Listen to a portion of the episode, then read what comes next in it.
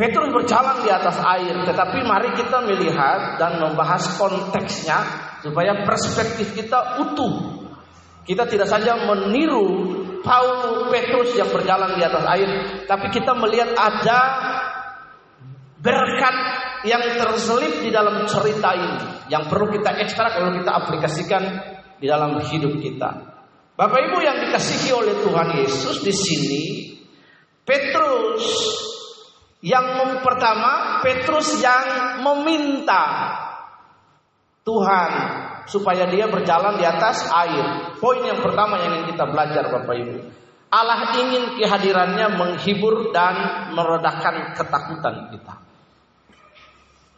Tuhan Yesus ingin kehadirannya menghibur dan meredakan ketakutan kita. Bapak Ibu. Segala yang terjadi lebih mendekatkanku mengenal akanmu selalu. Jadi Tuhan ingin kehadirannya His presence membawa penghiburan dan meredakan ketakutan kita. Nanti kita lihat bagian lain bagaimana apa yang Petrus lakukan sama seperti Musa lakukan. Tapi yang pertama keyakinan kita bahwa Allah ingin kehadirannya menghibur dan meredahkan ketakutan kita. Bapak Ibu perhatikan. Ketakutan itu menjadi sebuah hal yang dibenci oleh Tuhan dalam hidup ini. Dalam kitab Wahyu Tuhan, Wahyu Tuhan berkata bahwa para penakut yang pertama, para penakut mereka tidak mendapat bagian dalam kerajaan surga karena Allah mau kita brave, Allah mau kita boldness, Allah mau kita berani dengan hidup ini. Kenapa sampai ketakutan itu dapat membunuh iman kita? Karena dengan kita takut, maka kita tidak menyadari akan kehadiran Allah, akan keberadaan Allah. Kita meragukan eksistensi Allah. Eksis Bapak Ibu. Orang yang tidak takut Tuhan, yang ateis, itu mereka selalu punya sebuah pertanyaan dalam hidup. Ateis itu orang yang tidak percaya Tuhan. Mereka punya pertanyaan tunggal, yaitu Does God exist? Apakah Allah eksis? Ya, dia tetap eksis. Nah itulah sebabnya saya ingin kita belajar dari poin yang pertama dalam segala peristiwa, dalam segala persoalan dan pergumulan apa pun yang kita hadapi. Bapak Ibu, kita harus meyakinkan hati, pikiran, iman dan jiwa kita bahwa Allah ingin kehadirannya menghibur dan meredakan ketakutan kita. Takut itu membuat kita menolak kehadiran Allah. Takut itu membuat kita menyangkal keterlibatan Allah. Takut membuat kita tidak menyadari akan keberadaan Allah, the existence from God around us. Takut berarti kita menyangkal pertolongan-pertolongan Tuhan yang telah terjadi di hari-hari kita yang lalu, kini dan di masa depan. Takut membuat kita sering bertanya seperti pertanyaan orang ateis. Does God exist? Apakah Allah ada? Can God help me? Apakah Allah dapat menolong saya? Apakah Allah dapat meluputkan saya? Apakah Allah dapat membawa saya keluar dari persoalan yang saya hadapi? Itulah sebabnya poin pertama kita di hari ini Bapak Ibu adalah dia ingin kehadirannya, pribadinya, keberadaannya, Holy Spirit Roh Kudus, pribadinya yang mengasihi kita. Dia hadir untuk menghibur dan meredakan ketakutan kita. Bapak Ibu lihat, suatu hari orang Israel itu punya persoalan. They facing problem when they cast away from the land of the Egypt. The king of Pharaoh hunter hunting them. Mereka menghadapi persoalan Bapak Ibu. There's no much water for the flock in the desert. Tidak ada air bagi kumpulan ini di padang gurun. Bapak Ibu, ada sebuah ketakutan di situ. Karena tidak ada air untuk bangsa yang ribuan jutaan itu mereka minum di padang gurun. Ketakutan ini membuat mereka bisa menyangkal Tuhan. Dan memang orang Israel bersungut-sungut. Mereka berkata kepada Musa. Musa, engkau membawa kami ke padang gurun dan membuat kami mati ke kehausan. Di padang gurun ini. Persungutan inilah yang membuat mereka menolak keberadaan Allah yang ilahi. Gitu. Yang di masa lalu, yang mereka lihat yang baru saja terlewati Allah menyertai mereka. Mereka setiap hari day by day. Setiap hari mereka melihat pertolongan Tuhan. Tapi pada satu titik kebutuhan mereka tidak terpenuhi. Mereka bertanya, Does God exist? Musa, Moses, you bring us into the desert. Mau kami kepada turun. There's no order. We have a problem. Iya. Problem buat anak-anak yang ada dalam kumpulan. Problem buat ibu-ibu. Buat semua orang dewasa yang ada di kumpulan itu. Bapak Ibu, Allah ingin meyakinkan kehadiran Dia untuk menghibur dan meredakan ketakutan Israel. Mereka lupa tiang awan yang menyertai mereka sepanjang Covid Tuhan pelihara kita. Kita nggak pernah lapar. Bapak Ibu lihat, takut ketakutan. There's no order. Ada begitu banyak macam ketakutan dalam hidup ini. Dengar baik Bapak Ibu, kalau kita tunduk kepada ketakutan itu, maka ketakutan itu akan menguasai kita. Katakan amin. Bapak Ibu yang dirahmati oleh kasih karunia, dengar baik saya mau katakan, firman Allah itu harus menguasai hati kita, jiwa kita, roh kita, even our feelings. Firman Allah itu harus menguasai perasaan kita, bukan perasaan kita yang lebih dominan daripada firman Allah. Nah sering kali kalau perasaan kita, feeling kita lebih dominan daripada firman Allah. Firman itu tidak akan bekerja dalam hidup kita. Katakan amin. Firmanmu berkata kau besertaku maka kuat roh dan jiwaku. Firman itu harus menguasai kita bahkan lebih besar. Much greater from our feelings. Sehingga perasaan kita tidak dominan. Can God help me? Does God exist? Itulah sebabnya Bapak Ibu lihat pemazmur menulis dalam Mazmur pasal 121. Dia mulai dengan sebuah kalimat di situ. Iya. Aku melayangkan mataku ke gunung-gunung. Where, where come, where does come my help from? Dari manakah datangnya pertolonganku? Bapak Ibu lihat. Ada sebuah ketakutan di situ. Itulah sebabnya kehadiran Allah menghibur dan meredakan ketakutan kita. Kembali ke Musa tadi.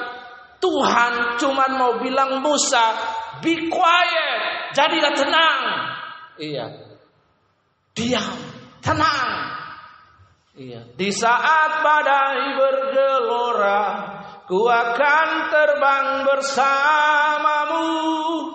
Bapa kau raja atas mesta, ku tenang sebab kau Allahku. Allah hanya memberikan perintah God give order to Moses. Just say something to the rock before him. Di hadapan batu di depan dia. Hanya berkata dalam ketakutan, dalam amarah, Musa di situ Bapak Ibu yang dikasih oleh Tuhan. Musa apa? Tidak menuruti perintah perintah Allah. Musa memukul batu, air keluar. Kenapa bisa Musa memukul batu padahal dia melawan perintah Allah? Lihat di situ. Perkataan Allah terjadi sekalipun Musa melanggar perintah Tuhan. Harusnya Musa berkata tapi disuruh Musa pu, tapi Musa pu pukul batu. Sama Bapak Ibu yang dikasih oleh Tuhan. Kalau kita baca Alkitab, jangan pernah kita meniru cerita Tuhan Yesus Jangan pernah kita meniru Paulus, Petrus yang berjalan di atas air. Tuhan Yesus tidak pernah suruh Petrus berjalan di atas air. Jadi jangan pernah kita pakai contoh Petrus saja berjalan di atas air. Tuhan Yesus sama sekali tidak pernah menyuruh Petrus berjalan di atas air. Petrus yang meminta, bukan Tuhan yang suruh. Bapak Ibu yang dikasih oleh Tuhan, lihat di situ Jangan sekali-kali kita meniru contoh Petrus berjalan di atas air. Tuhan mau Petrus dan teman-temannya itu meneguhkan hatinya. Karena itu iman Kristen itu bukan sebuah iman yang dramatikal, Bapak Ibu. Tapi iman bagaimana sikap hati dan batin kita yang tertuju kepada Allah. Nah, Petrus mau sesuatu yang dramatikal. Perhatikan, banyak hal karena memang Petrus orangnya sanguin. Petrus coba ada apa-apa dijawab cepat. Tuhan sekalipun banyak orang menyangkal engkau sekali-kali aku tidak. Benar. Petrus akhirnya menyangkal Tuhan Yesus sebelum ayam berkokok tiga kali. Petrus juga yang berkata, jangan engkau pergi kepada salib. Dan Yesus berkata kepada Petrus, Hai iblis, itu dia berkata kepada muridnya, engkau tidak memikirkan apa yang dari Allah, tapi engkau memikirkan apa yang datang dari dunia ini. Karena memang Yesus harus menderita.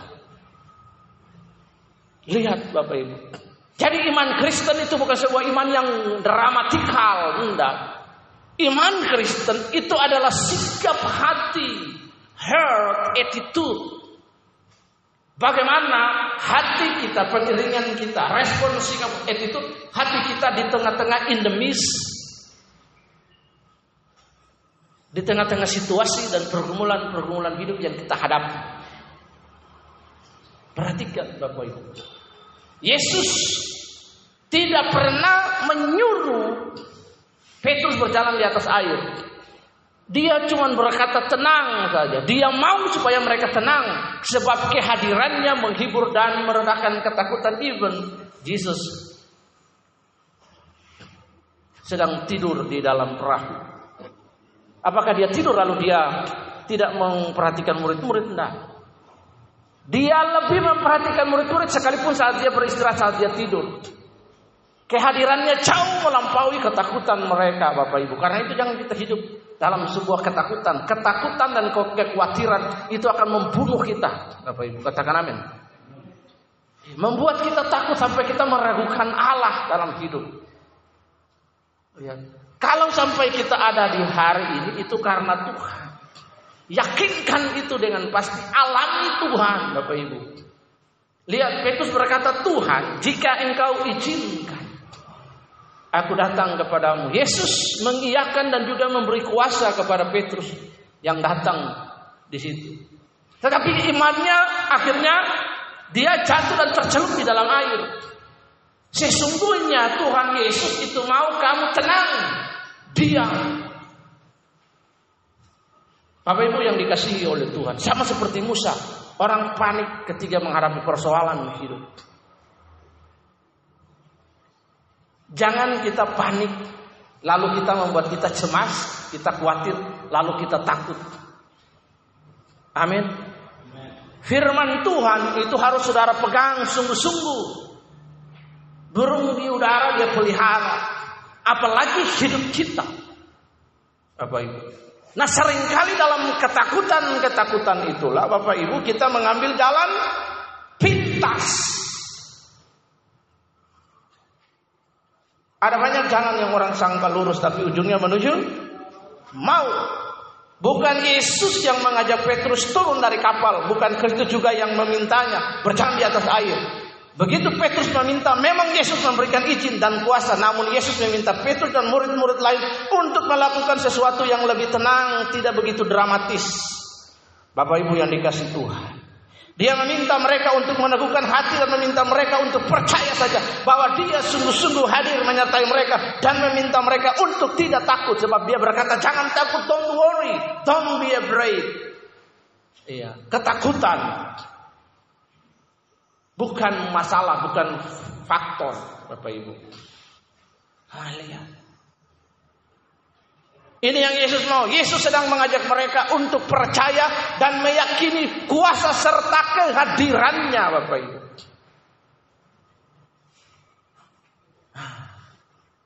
Seringkali perasaan kita, logika kita, ya Panik dengan situasi akhirnya kita khawatir dan cemas. Ketakutan kita itu membuat mata rohani kita tidak menyadari akan keberadaan Allah dalam hidup kita. Karena itu biasakanlah diri kita dibangun dengan firman supaya jiwa, hati dan roh kita supaya kita tidak terpengaruh oleh daging ini. Bapak Ibu yang dikasihi oleh Tuhan. Ini yang penting. Yesus mengajak mereka untuk percaya dan meyakini serta kuasa dan kehadirannya. Dalam suatu kasus, ada Maria, ada Marta, ada Lazarus.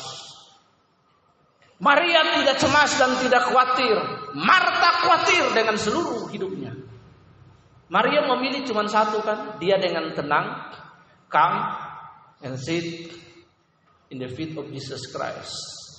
Keep hear what Jesus told to him. Terus mendengarkan apa yang Yesus katakan. Karena Maria benar-benar mengetahui bahwa pribadi Yesus kehadirannya menghibur dan meredakan ketakutan. Karena beberapa hari sebelumnya, saudara laki-laki yang disayanginya dan merupakan sahabat Yesus namanya Lazarus itu meninggal. Marta berkata, "Jesus, jika saja engkau ada di sini mungkin saudara kami tidak mati." Perhatikan kata if. Ada seorang yang bernama Rudyard Clipping. Dia membuat sebuah sajak yang bagus. Boleh saudara cari sajaknya di Google Internet, judulnya If karya Rudyard Clipping. Bagus sekali kalau Anda terjemahkan If. Jika Seringkali orang Kristen juga dalam tanda kutip ketika menghadapi ketakutan, cemas dan lain menggunakan kalimat yang sama if atau jika. Jika saja dia ada di sini. Jika saja Tuhan menolong saya pada saat itu. Jika saya saja begini, jika saya begini, jika. Bapak Ibu. Tidak pernah ada kebetulan dalam hidup orang Kristen tidak boleh menggunakan kata jika. Sebab Roma 20 Roma 8 ayat 28 Tuhan Allah turut bekerja dalam segala hal, segala peristiwa. Dalam 24 jam 24 hour in our daily life, He still there for us. Dia ada buat kita. Dan Allah berkata bahwa dia bekerja dalam segala hal untuk mendatangkan Kebaikan bagi setiap orang yang mengasihi dari orang Kristen tidak boleh mengenal kata jika. Jika saja Tuhan menyembuhkan saya, mungkin saya masih hidup sampai Jika saya Tuhan memberikan dan segala macam. Iya. Orang Kristen sembuh dan tidak sembuh, mati dan tidak mati. Perhatikan baik, Tuhan Yesus tidak berubah. Keilahiannya, kasihnya, bukan karena orang itu sembuh lalu Tuhan hebat dia kasih. Ada juga banyak orang Kristen yang mati tidak sembuh. Ada banyak orang kita yang mengalami kecelakaan tragis dalam hidup. Apakah Tuhan berubah? Tuhan tidak berubah. Tuhan Yesus tidak berubah, tidak berubah, tidak berubah. Tuhan Yesus tidak berubah, tak berubah selama-lamanya. Jangan merubah lagu itu. Tuhan Yesus tidak berubah, saya juga. Saya juga. Nah, Tuhan Yesus tidak berubah, saya berubah. Ya saya rubah ya. Berubah Ultraman. Nah. Jangan Bapak Ibu. Perhatikan. Sekalipun kita mengalami pergumulan kehadirannya menghibur dan meredakan ketakutan kita.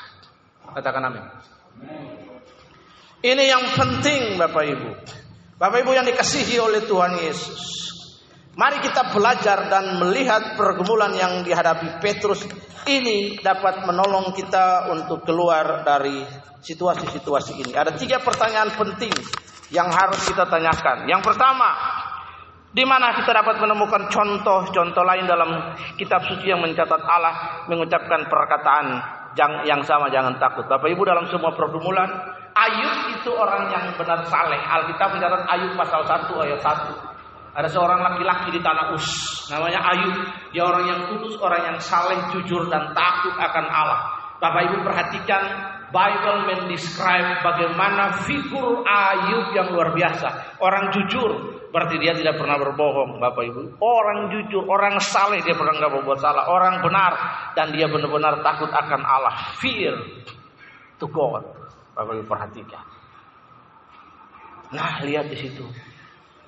Tetapi toh Ayub diizinkan Allah melewati proses di situ. Dalam proses itu kehadiran Allah. Apakah ada Bapak Ibu yang dalam sehari kehilangan rumah harta 10 anak mati? Belum pernah kan? Cuman urusan-urusan yang sepele akhirnya kita melalaikan Allah dalam hidup Bapak Ibu. Ini yang penting. Kita ingat karena ketika kita bertumbuh dalam kasih karunia berkat yang saudara nikmati itu buat saudara Tuhan berikan bagi saudara. Amin. Hidup kekal bagi saudara. Saudara diberkati, saudara dikasihi oleh Tuhan. Semakin saudara lengket dengan Tuhan, semakin saudara bertumbuh dalam kasih karunia, Bapak Ibu bertumbuh dalam kasih karunia, maka Bapak Ibu akan menjadi beloved, orang-orang yang dikasihi kesayangannya Tuhan. Bapak Ibu, yang paling penting ini perhatikan.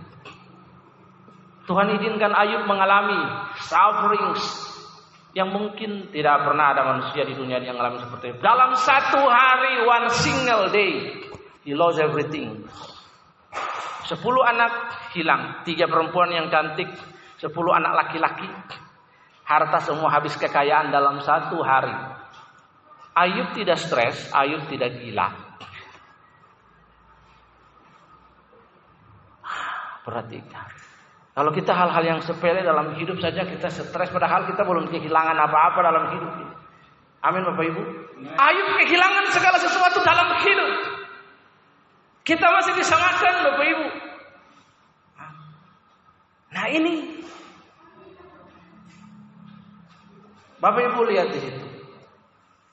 Ayub 40 di situ dia berkata dari dalam badai Tuhan menjawab Ayub. Artinya apa? Lewat pergumulan hidup itu Ayub mengalami perjumpaan dengan Tuhan. Iya.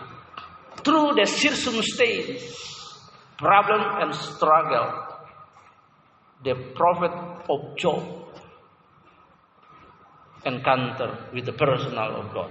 Mengalami perjumpaan dengan pribadi Tuhan. That will change his mind. Yang itu merubah segala pemikirannya. Ketika dia berkata kepada Tuhan, aku orang benar. Mari kita berdebat. Ayub menantang Tuhan. Job challenge God. Ayub menantang Tuhan untuk berdebat. Setelah itu Ayub berkata, dari kata orang saja aku mendengarkan tentang engkau. Nah, karena itu lewat pergumulan dan proses hidup kita berjumpa dengan Tuhan. Kehadiran Tuhan pribadinya itu meredakan ketakutan kita. Jangan takut. Pertama kali ketika Tuhan datang, dia hadir inkarnasinya dalam rupa manusia Ketika Yesus lahir dia berkata kepada para domba, para gembala, jangan takut. Don't be afraid. Bapak Ibu yang dikasih oleh Tuhan. Kita melihat di dalam Alkitab bagaimana ketakutan itu membuat orang ragu akan keberadaan Allah. Itulah sebabnya kita Wahyu menempatkan para penakut. Karena dengan mudah ketakutan itu membuat orang lari. Bapak Ibu, perhatikan cerita Gideon. Gideon berperang dengan musuh yang ribuan cuman 300 300 tentara lawan ribuan tentara. Tuhan suruh, Tuhan nyaring. Yang penakut suruh pulang gak usah perang. Yang penakut suruh pulang gak usah perang. Yang makan minum air sama seperti anjing di sungai suruh pulang. Sisanya cuma 300 orang yang mengangkat air dengan tangan di sungai untuk mereka minum. Bapak Ibu lihat, saya baru nonton sebuah peristiwa peristiwa di dalam sejarah militer Indonesia satu batalion pasukan Walet Brimob itu kabur melawan pasukan Fretelin atau apa itu di Timur Leste dalam peristiwa Seroja namanya peristiwa Minggu Palma satu batalion Brimob itu mereka bertempur lawan para milisi dan kemudian mereka lari. Peristiwa itu yang sangat memalukan bagi korps Brimob. Satu batalion lari di timur dalam peristiwa Minggu Palma di operasi Seroja. Operasi Timur Leste. Di mana Presiden Soeharto memberikan perintah. Nah, di situ lihat supaya timur-timur diambil. Satu batalion lari. Dan itu sangat memalukan sekali bagi sejarah militer Indonesia. Bapak Ibu lihat. Mereka dikepung dan mereka lari.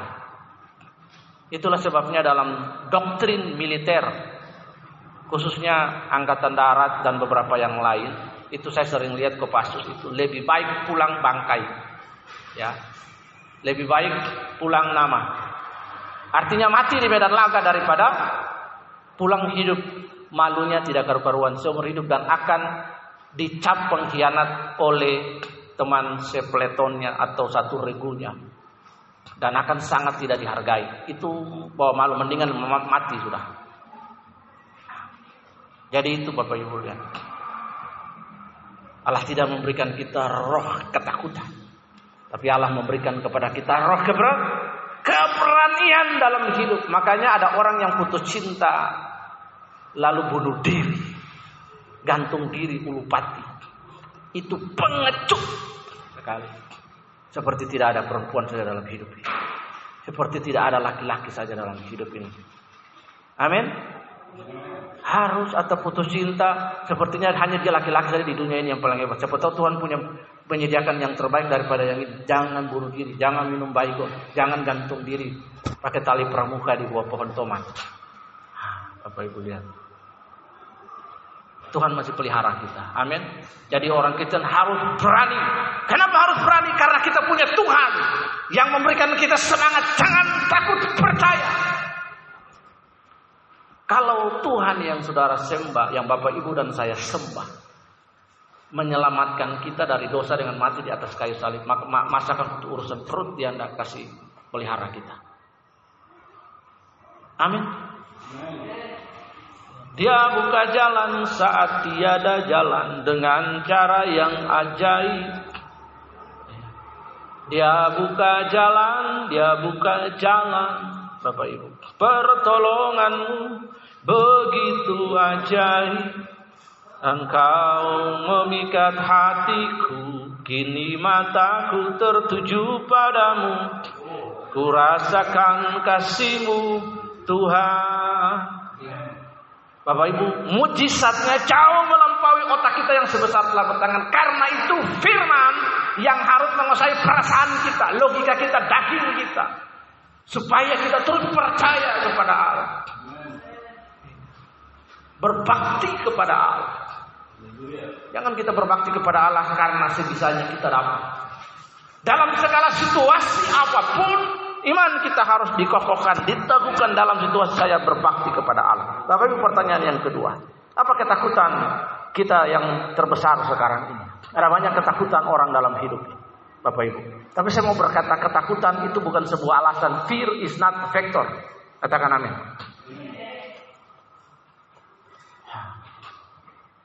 Fear is not a factor. Ketakutan bukan sebuah faktor bagi kita untuk kita balik kuri, Bapak Ibu. Untuk kita lari. Bapak Ibu lihat di sini. Banyak orang gereja, jemaat di Cina atau jemaat di tempat-tempat dunia ketiga. Itu mereka mempertaruhkan hidup mereka untuk Tuhan. Kita belum sampai mencucurkan darah, men. Iya Bapak Ibu. Orang di Cina itu hadir ibadah hari Minggu Bukan gaya kita rapi di sini, semua kan rapi. Mereka hadir di sebuah tempat Alkitab ini disobek Bapak Ibu. Bagian yang ini hari ini Matius 14 ditukar dengan Matius 13 jadi bergiliran ibadah juga takut-takut. Daerah-daerah Vietnam komunis dan lain sebagainya. Apalagi kayak di Korea Utara. Orang Kristen dibunuh waktu itu. Kita masih ibadah dengan santai, dengan tenang Bapak Ibu. Karena itu ketakutan apa yang terbesar hari ini bagi kita. Ada banyak ketakutan kita. Pertanyaannya pantaskah kita takut? Bapak Ibu. Saya datang ke Bali tidak bawa apa-apa, bawa koper Bapak Ibu. Saya pernah jual ikan di Karangasem, saya pernah ngecat rumah bule hanya untuk dapat uang. Saya pernah jadi buruh, jadi tukang. Sehingga orang kampung Blimbing Sari pernah bilang, Wih, lacur saja suaminya komang tuh. Apa pendeta apa sing itu kok kerja tukang. Saya pernah jualan es 9 bulan. Tapi saya terus mempercayai Tuhan dan tidak meninggalkan Tuhan dalam ibadah. Ibadah itu menjadi sebuah prioritas. Karena firman Tuhan berkata, ibadah mengandung janji untuk hari ini dan akan akan datang Bapak Ibu. Usahakan bisa hadir. Karena itu perhatikan apa yang menjadi ketakutan yang terbesar sekarang ini. Bagi saya pribadi tidak ada ketakutan yang terbesar dalam hidup. Sebab saya melihat saya datang di Bali dengan satu koper Bapak Ibu. Tahun 2021 saya naik kapal dari Papua. Kemudian ke Surabaya tinggal baru setelah itu sekolah sampai hari ini. Dan detik hari ini mungkin mujizat yang paling terbesar adalah saya bisa lulus dari kuliah. Bukan mujizat yang terbesar, yang mujizat yang ter, yang barusan saja terjadi. Bapak Ibu yang dikasih oleh Tuhan. Lalu kalau pengalaman hidup itu dapat menginspirasi kita, mengapa kita jadi takut? Jadi kita ragu Bapak Ibu, karena itu firman tidak boleh Bapak Ibu lihat perasaan maksudnya perasaan tidak boleh menguasai hati kita, menguasai lebih dari firman. Perasaan kita lebih dominan dari firman. Tidak boleh firman harus lebih dominan. Firman di atas segala sesuatu. Di atas pikiranmu, di atas otakmu, di atas pilihanmu. Segala sesuatu di atas firman. Kalau kita belum siap Bapak Ibu kita tidak terbiasa. Maka Alkitab berkata daging itu lemah. Roh itu penurut. Kapan kita menurut kepada roh Bapak Ibu? Itu hujan besar kemarin.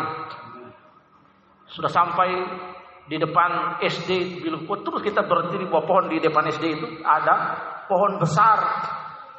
Maju sedikit ada sebelah kanan pos polisi. Nah di SD itu kita di situ sudah pakai jas hujan, oh, balik aja yuk. Hujan juga besar ini. Jalan saja. Jarak dari SD ke rumahnya Bapak Ketut Nergen Iya, bagus genjing. Nah, tiada banding. Itu cuma ada dua kilo. Dan ibu nyoman jege bulan.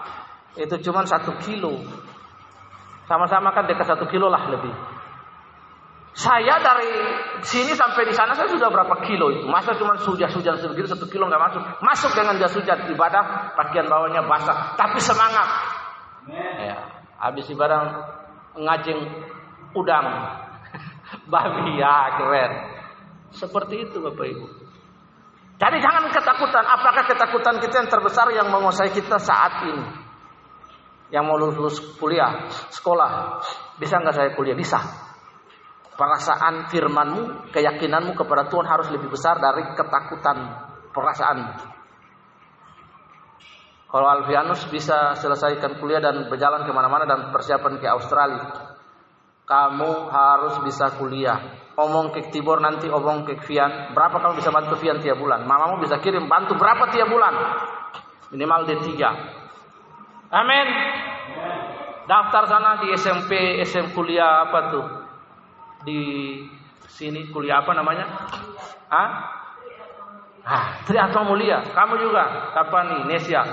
Iya. Harus. Bapakmu bisa bantu tiap bulan berapa? Punya keyakinan dengan iman pasti Tuhan pelihara. Amin. Jangan takut. Hadapi. Ricky itu kuliah tidak ada yang bantu dia support. Saya bantu cuma sebentar. Mungkin uang pendaftaran atau hal apa, tapi dia mencukupkan dirinya sendiri dan bekerja dan dengan mujizat dia bisa selesaikan. Sebab dia bisa membuktikan Tuhan hidup. Dari cerita-cerita mereka itulah kita yakin akan keberadaan Allah atas hidup kita. Amin. Kalau kamu tidak bisa pergi ke Spanyol, Tuhan punya rencana lain buat kamu. Peter Makwalina. Gede Peter Makwalina. Amin. Iya, bukan gede Peter Makarena. Oh, Makarena. Ah. Nah, boleh ya. Tuhan punya rencana yang bagus entah nanti ke Proskeneo atau di masa di YWM nanti. Who knows? Yang penting satu taat. Apakah ketakutan yang terbesar? Bawalah ketakutan itu kepada Tuhan. Tuhan saya menyerahkan ketakutan saya. Tapi saya percaya kehadiranmu menguatkan dan menghibur saya jauh melampaui ketakutan. Yang ketiga, Cobalah ingat dan sebutkan pengalaman Anda. Diluputkan dan diselamatkan oleh Tuhan Yesus di masa lalu, hari-hari yang telah lewat. Ternyata bah, banyak. Ternyata banyak kalau kita mengingat dan merenungkan dan menyebutkan pertolongan Tuhan di hari-hari yang telah lewat. Ternyata banyak kita berutang kepada Tuhan. Kalau sampai kita hidup hari ini saya berumur 45 tahun, Tuhan pelihara saya. Dan ada banyak peristiwa yang terjadi dan akan terjadi di depan saya, pertolongan Tuhan dan di masa depan. Mengapa saya harus takut? Manusia wajib takut, ya karena dia manusia dia harus memiliki ketakutan, tetapi jangan ketakutan itu menguasai dan membunuh iman. Iman kita percaya, stand. Ada dua, tiga triwira, Bapak Ibu. Tiga triwira yang menunjukkan beranian kepada kita. Ya kita tutup khotbah ini dengan tiga triwira. Kita lihat di dalam kitab Samuel supaya kita belajar di situ bagaimana tentang keberanian mengalahkan ketakutan itu Bapak Ibu.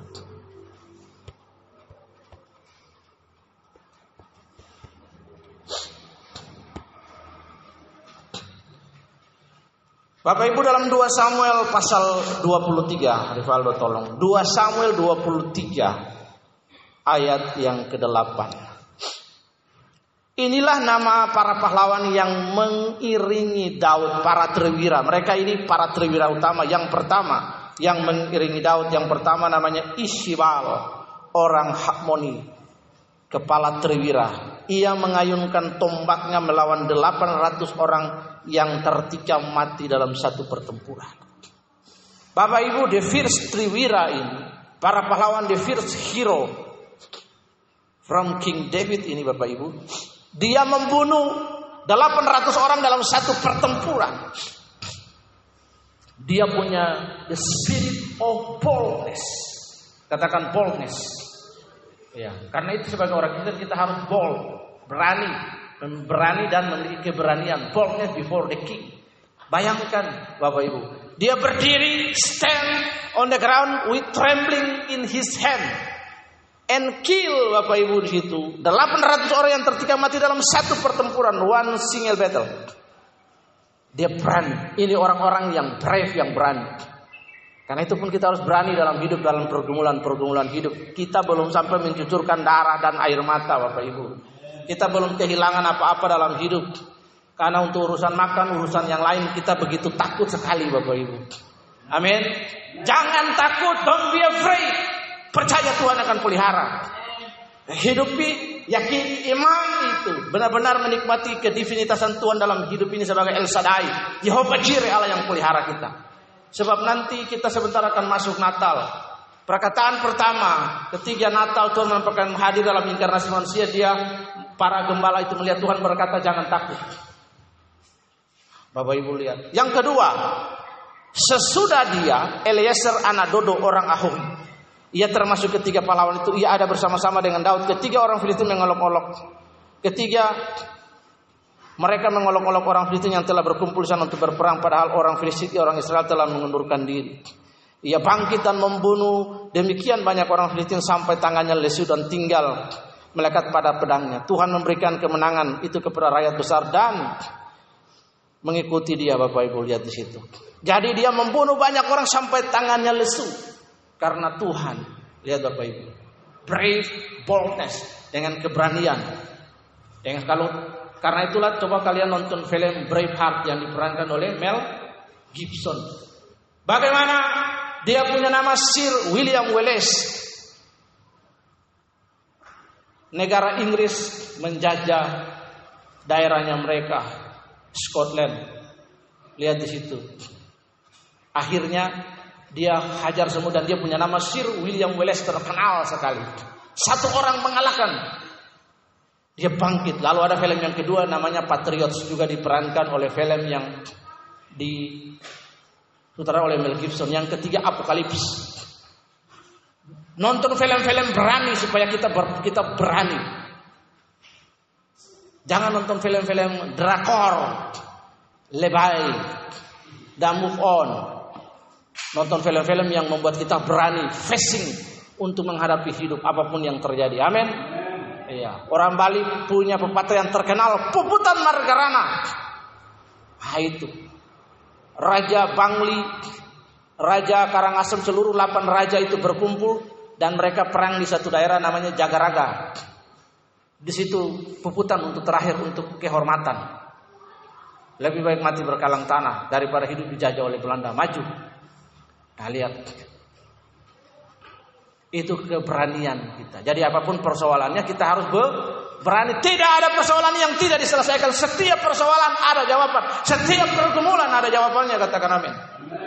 Nah, Bapak Ibu yang ketiga, sesudah dia adalah anak sama orang Age Harari di atas sebidang tanah penuh kacang merah dan tentara melarikan diri. Maka berdirilah ia di tengah-tengah ladang itu. Ia dapat mempertahankan dan memukul orang Filistin. Demikian kemenangan yang diberikan Tuhan. Bapak Ibu apa pun kacang merah hari ini. Di atas pergumulan hidup, pendidikanmu, pekerjaanmu, apa pun itu. Berdirilah teguh di situ. Pertahankan tanah itu. Berdiri di atas tanah. Keep stand on your ground. Katakan amin. Batu penjuru. Ah, kurang kuat. Batu penjuru. Ah, lihat. Nonton film 300 itu ada sebuah kisah King Leonidas dalam sejarah itu disebut the war of Thermopylae. Ada sebuah celah jutaan tentara Persia King Xerxes atau Raja Ahasiweros mengirim pasukan untuk mengalahkan kerajaan di Yunani namanya negara Sparta dan Raja Leonidas hanya dengan 300 prajurit. Dia bertanya kepada para prajuritnya. Ada prajurit dari Arkadian yang datang, ada jadi tukang tumbuh besi, pedagang, petani dan lain-lain. Kemudian dia melihat kepada prajuritnya dia dan dia berkata, "Spartan, what are you proficient?" Mereka tidak menjawab, "I am armed." Buyar soldier now. Mereka mengangkat lembing, tombak, spearsnya itu dan ditekan ke tanah lalu teriak, ahu, ahu, ahu. Artinya apa Bapak Ibu? Orang Kristen itu harus mengalami pergumulan-pergumulan hidup dan dia menang. Jangan takut sebab Tuhan beserta kita. Nama Tuhan itu disebut Immanuel. Allah menyertai kita. Sampai kesudahan sama, jangan takut Bapak Ibu. Hanya untuk urusan-urusan remeh temeh kita jadi takut dengan hidup kita. Kita mengabaikan Allah dalam hidup ini. Sebab kita belum sampai mencucurkan darah dan air mata. Karena itu beranilah berpegang kepada firman Tuhan. Jadi Bapak Ibu kembali lagi. Tiga hal ini menolong kita. Bahwa kehadiran Allah itu menundukkan kita. Kehadirannya memberikan kita lepas dari berbagai ketakutan hidup. Dia ingin kehadirannya Bapak Ibu menghibur dan meredakan ketakutan kita. Di depan kita akan merayakan Natal. Kalimat pertama. Kalimat pertama ketika Yesus inkarnasi putra Natal itu hadir. Orang para gembala, orang-orang sederhana yang melihat Yesus lahir. The single word that come out from the angel adalah jangan takut hai kawanan kecil. Don't be afraid. Karena itu Bapak Ibu, fear for us is not fact. Ketakutan bukan sebuah faktor yang membuat kita tidak bisa beribadah, yang membuat kita menjauh daripada Tuhan, yang membuat kita ragu, cemas dan khawatir. Saya baru lihat tujuh hal dalam sebuah unggahan ada seorang dokter psikologi dia berkata ketakutan itu akan membuat kita lemah, cemas, Santai saja menghadapi pergumulan. Sebab kalau kita sudah lemah, lalu kita punya pergumulan, kita sudah cemas, kita sudah takut, lalu pergumulan di depan, bagaimana kita menghadapi pergumulan itu sementara kita sendiri loyo lemah leto lesu. Sikap kita yang menentukan, amin. Belum kita belum maju, belum bertanding, belum berperang, belum menghadapi kita sudah lemah duluan. Jangan. Iya. Harus ber, harus berani dalam hidup ini. Have a spirit of boldness. Nah, Bapak Ibu lihat. Sebab kita malu juga ada orang yang lengkap, ada orang yang tidak lengkap anggota badannya, tapi dia memiliki keberanian. Dia bangga sekali menghadapi dunia. Lihat, dia surfing. Saya lihat itu Nick Fujifik itu surfing di atas ombak yang besar. Kakinya cuma kecil begini, tapi di atas papan. Dia di atas meja, langsung dia injak telepon saya sampai sekarang aja nggak bisa kayak begitu. Nick Fujifilm di atas telepon dia tinggal gini, cik langsung HP-nya itu truk langsung diangkat. HP-nya dia trik, HP-nya apa telepon yang ada dua itu yang pakai tali itu ada dua gini terus satu dia gini cik, pada kakinya cuma segini Atau Nick Fujifik itu menikah dengan orang Amerika, orang Jepang Hawaii, cantik. Padahal tidak punya kaki, cacat. Kekurangan fisik. Tapi jauh melampaui semua hal itu. Dia punya keberanian, integritas dan semangat juang. Amin. Karena itu penting bagi kita, Bapak Ibu. Biarlah kehadiran Kristus menghibur dan menguatkan kita dan mengalahkan segala ketakutan kita sehingga kita akan memasuki Natal dengan penuh keberanian merayakan kelahiran Tuhan Yesus. Mari kita berdoa. Tuhan Yesus kami berdoa dan kami mengucap syukur atas pertolonganmu yang jauh melampaui segala roh akal dan pikiran. Kami bersyukur dalam nama Tuhan Yesus. Biarlah kehadiranmu selalu dalam pergumulan-pergumulan yang kami hadapi, meneguhkan kami, meneduhkan, menghibur, dan meredahkan ketakutan. Engkau tidak menginginkan kami berjalan di atas air sama seperti Petrus. Petrus yang meminta, tapi engkau menginginkan kami hanya sikap hati kami dan percaya bahwa engkau sanggup. Bahkan sekalipun engkau tidur di atas berita, engkau care dengan kami. Terima kasih Tuhan untuk urusan-urusan yang Tuhan begitu membuat kami takut makan, minuman, berbagai biaya dan kebutuhan. Kalau kami sungguh-sungguh yakin, pasti ada jalan, ada cara. Maka mujizat akan ada lewat pekerjaan-pekerjaan yang orang berikan berkat-berkat yang tidak terduga. Karena